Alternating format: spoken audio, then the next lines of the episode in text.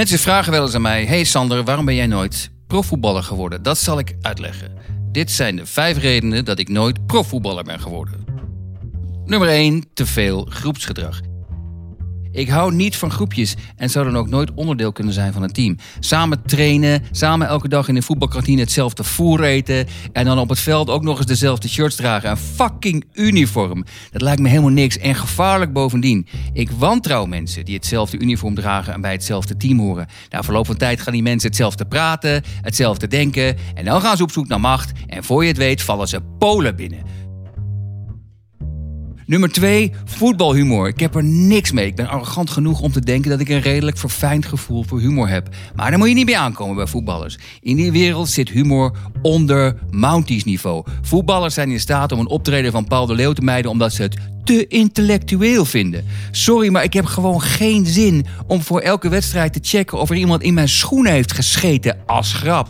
Of mijn tandpasta uit de tube heeft geperst en vervangen door verrotte pindakaas. Of toen ik even lag te slapen mijn wenkbrauwen aan elkaar heeft gelast. Noem mij meneertje elitair, maar ik kan er niet om lachen. Nummer 3, de suffe ongeschreven regeltjes. Het stikt van de suffe ongeschreven regeltjes in het voetbal. En daar moet je je aan houden, anders krijg je problemen. Een voetballer met een lelijke tatoeage in zijn nek. Een week later alle voetballers een lelijke tatoeage in hun nek. Eén voetballer die na het maken van een goal als een idioot over het gras gaat glijden. En een week later doen ze het allemaal.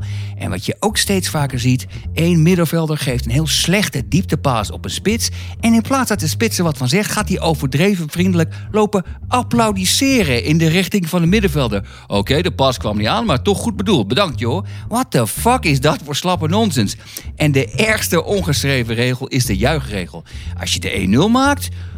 moet je juichen als een idioot en liefst een infantiel dansje voorbereiden. Maar als je 4-0 achter staat en je scoort een wereldgoal, dan mag je opeens niet meer juichen. Dan moet je met een bloedserieus gezicht de bal uit het net pakken en terugsprinten naar de middenstip alsof je leven ervan afhangt. Kom op jongens, nog 10 minuten, we gaan ervoor. Ik ga niet juichen, want daar was team geen tijd voor. Wie weet wordt het nog 4-4. Houd toch op met die onzin. Ook al staan we met 7-0 achter. Als ik een omhaal vanaf rand strafschopgebied de kruising injaag, dan ga ik zeker 3 minuten lang staan juichen. Begin maar vast zonder mij. Ik wil even van mijn momentje genieten.